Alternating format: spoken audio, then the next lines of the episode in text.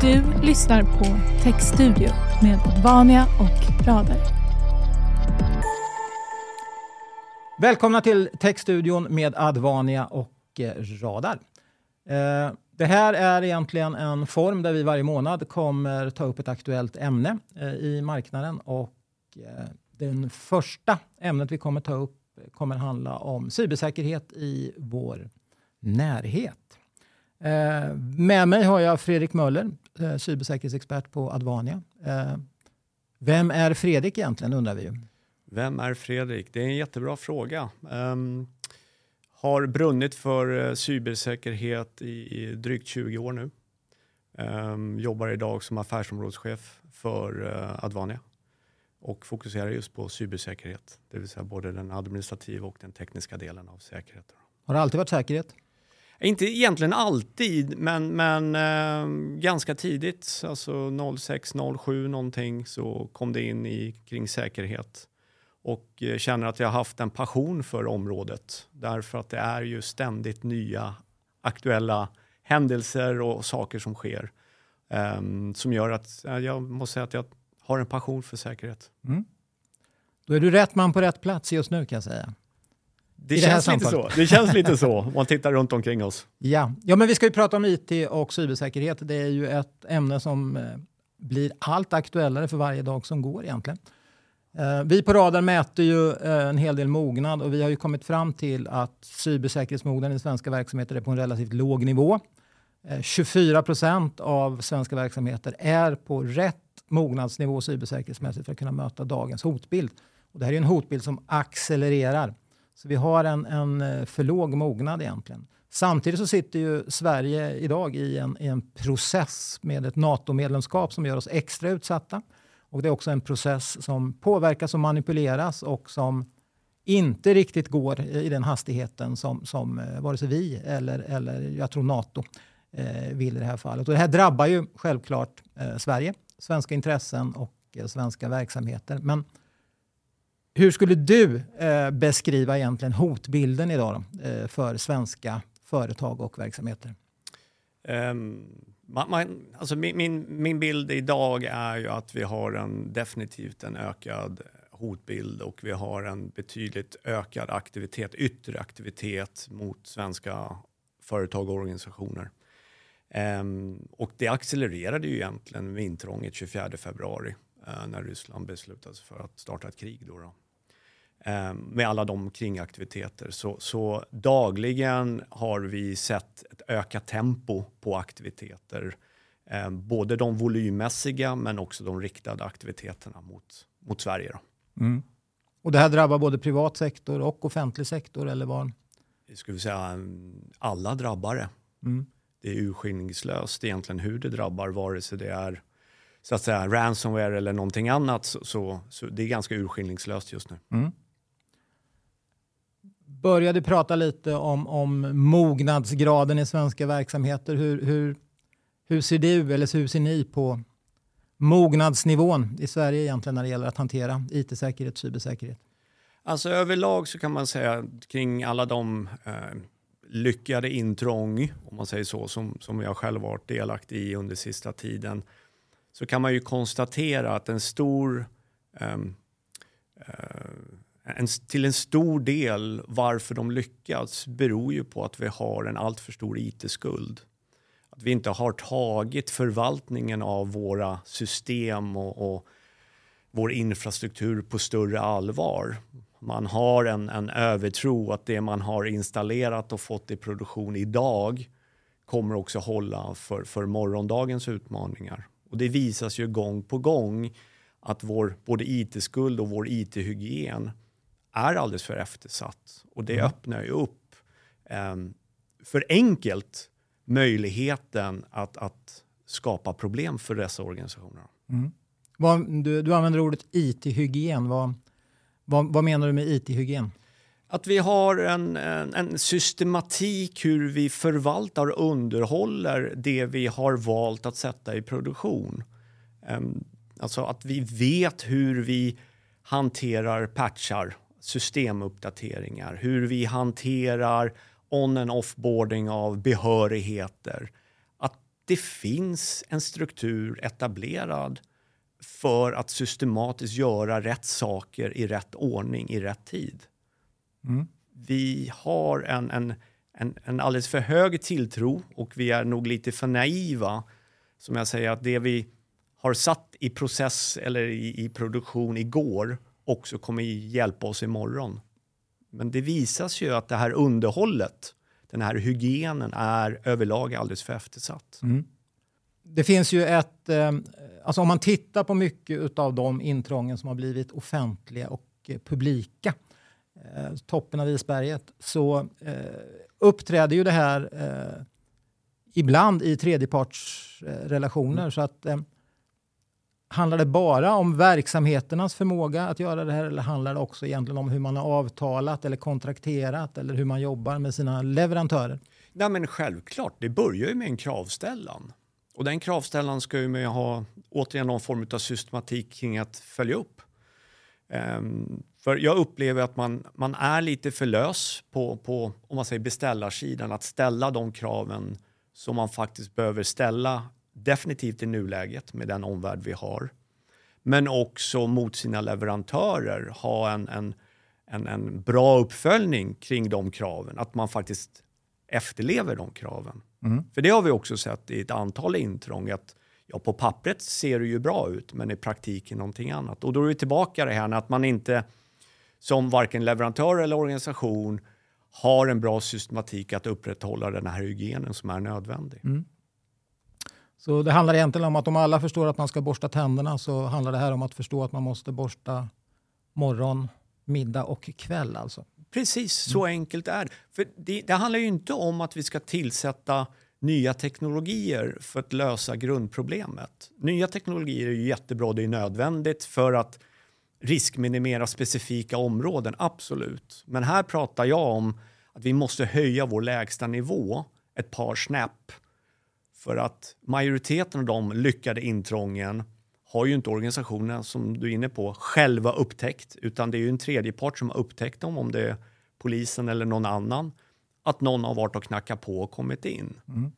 Och majoriteten av de fallen bygger ju faktiskt på att man har en dålig hygien. Mm. Så börja borsta tänderna lite mer frekvent. Bra tips. Precis, Bra precis. tips. Man möter ju idag, eller vi möter ju idag både statliga aktörer och vi möter privata aktörer. Vad är, vad är det man är ute efter egentligen i svenska eller hos svenska företag och myndigheter? Alltså, jag skulle vilja säga att det är egentligen eh, tre delar. Det ena är ju fortfarande att det finns aktörer som behöver pengar och vill ha pengar för sina ändamål. Eh, och då har vi ju ransomware-delen som har varit på tapeten under väldigt lång tid.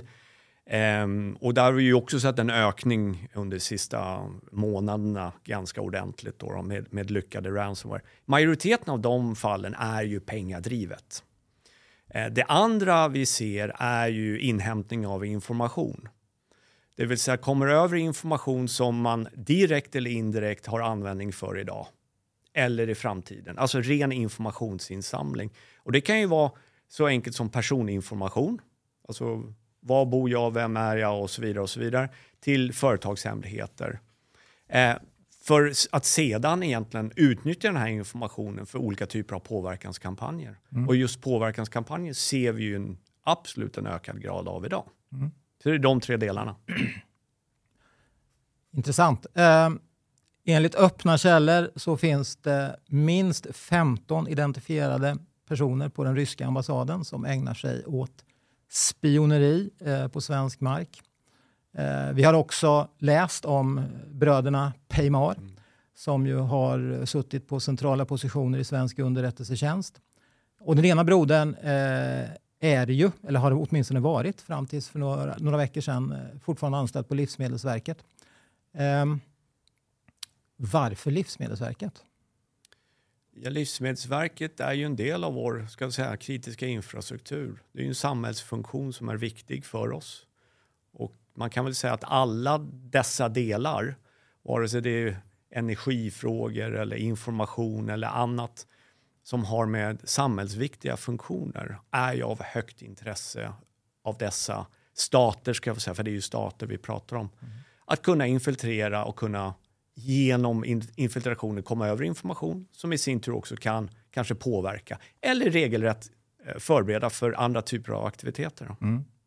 Så att om jag eh, skulle spekulera lite då, så eh, är ju Livsmedelsverket ansvarig för livsmedelsförsörjningen i Sverige i ett skymningsläge.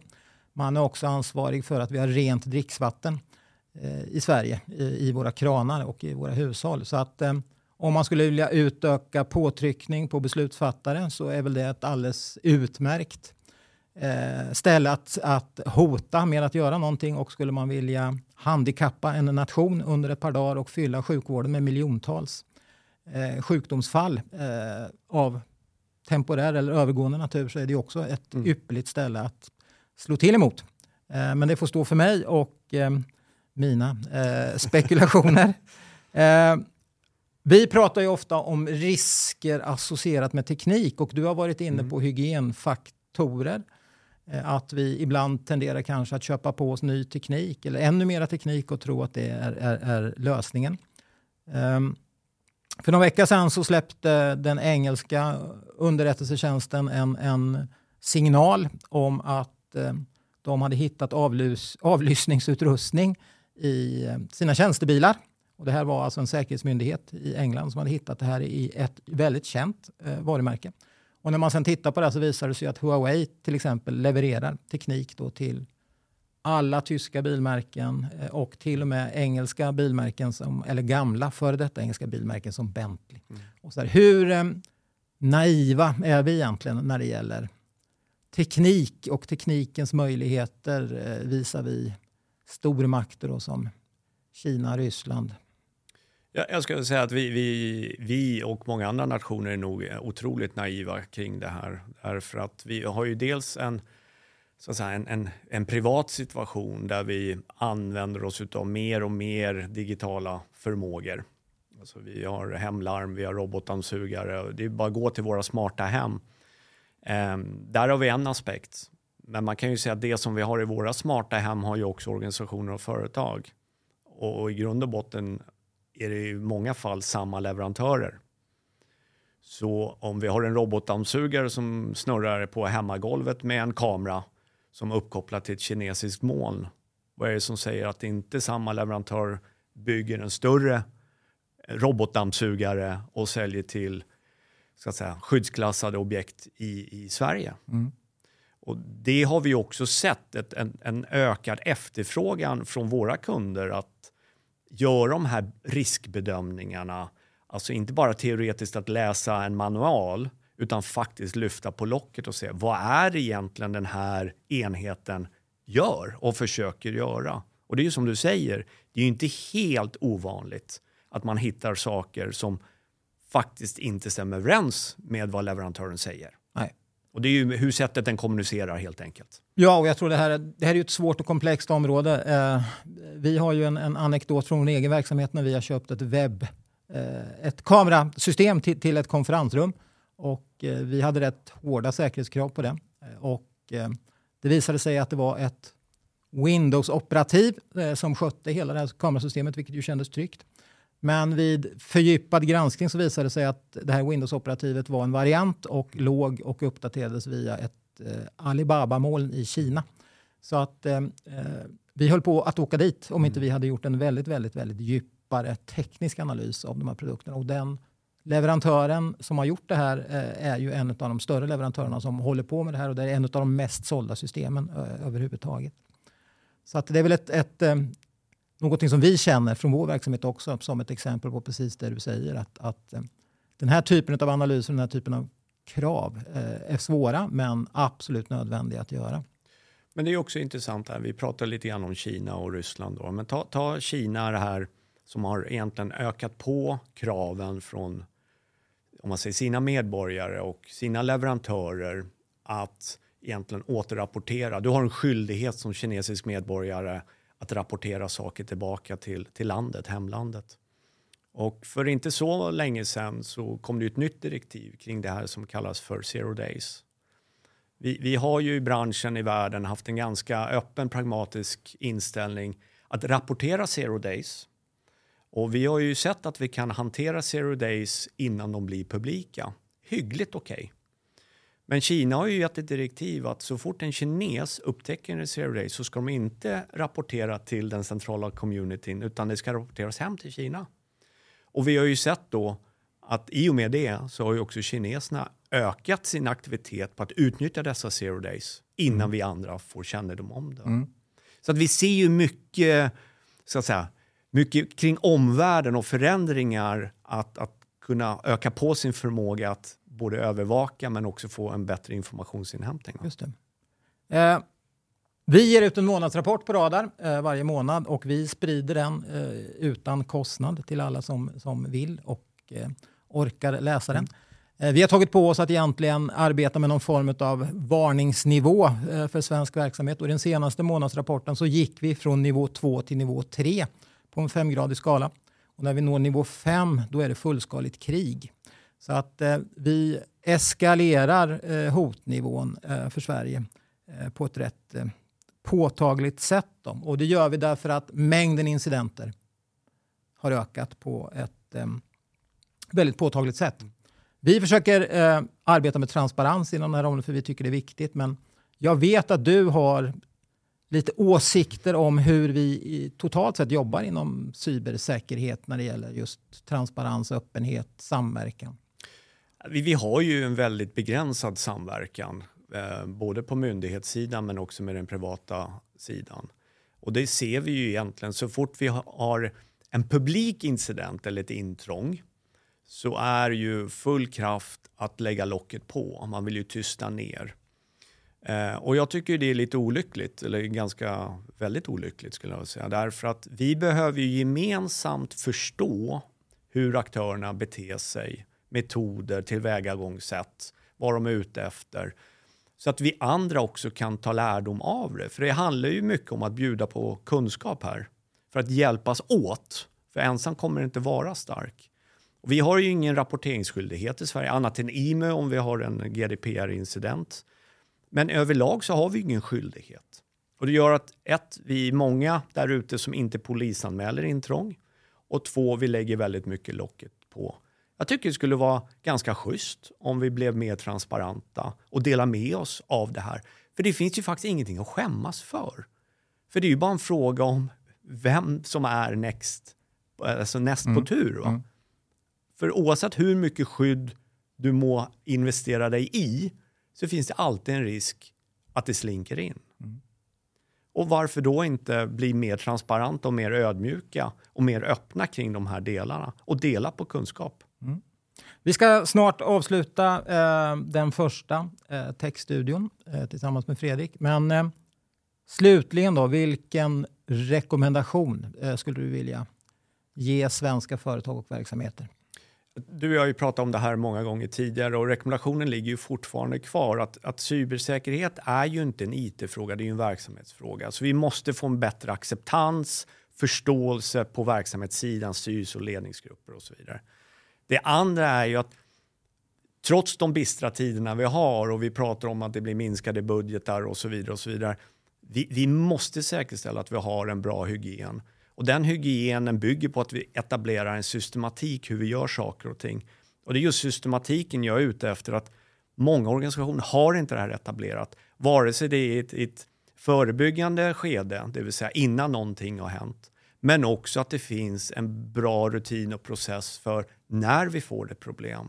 För det är ju också någonting vi har märkt när vi har hjälpt företag kring intrång. Det är att ganska dålig beredskap på att hantera en kris. Mm. Både tekniskt men också verksamhetsmässigt. Och, och, det här, för mig, det här är ingen, det är ingen raketforskning utan det här är ganska grundläggande delar som inte kräver större tekniska investeringar utan bara jobba med det man har och se till att du får en systematik så att det fungerar över tid. Det är rekommendationen och det är det vi behöver jobba i majoriteten av fallen. Mm. Tack Fredrik eh, för de eh, spännande insikterna och rekommendationen. Eh, vi är alldeles strax klara här. Vi tänker stänga av mikrofonerna och då tänker jag ta chansen att fortsätta samtalet med Fredrik, framförallt runt illegalisternas verksamhet i Sverige och Norge och varför man är villig att att eh, offra sådana investeringar idag eh, som Ryssland eh, och eh, vad är det då egentligen som händer under ytan och vad är det de inte vill att vi ska se. Men det blir ett samtal mellan mig och eh, Fredrik i allsköns ro utan mikrofoner. Tusen tack Fredrik för att du kom hit idag. Och eh, nästa Techstudio med Advania och Radar kommer handla om automation och transformation. Det som vi tror kommer skilja vinnare från förlorare i den rådande ekonomiska klimat som vi har i Sverige eh, 23 och de kommande åren. Det avsnittet kommer släppas den 22 februari. Återigen Fredrik, varmt tack och till er andra så säger vi på återhörande.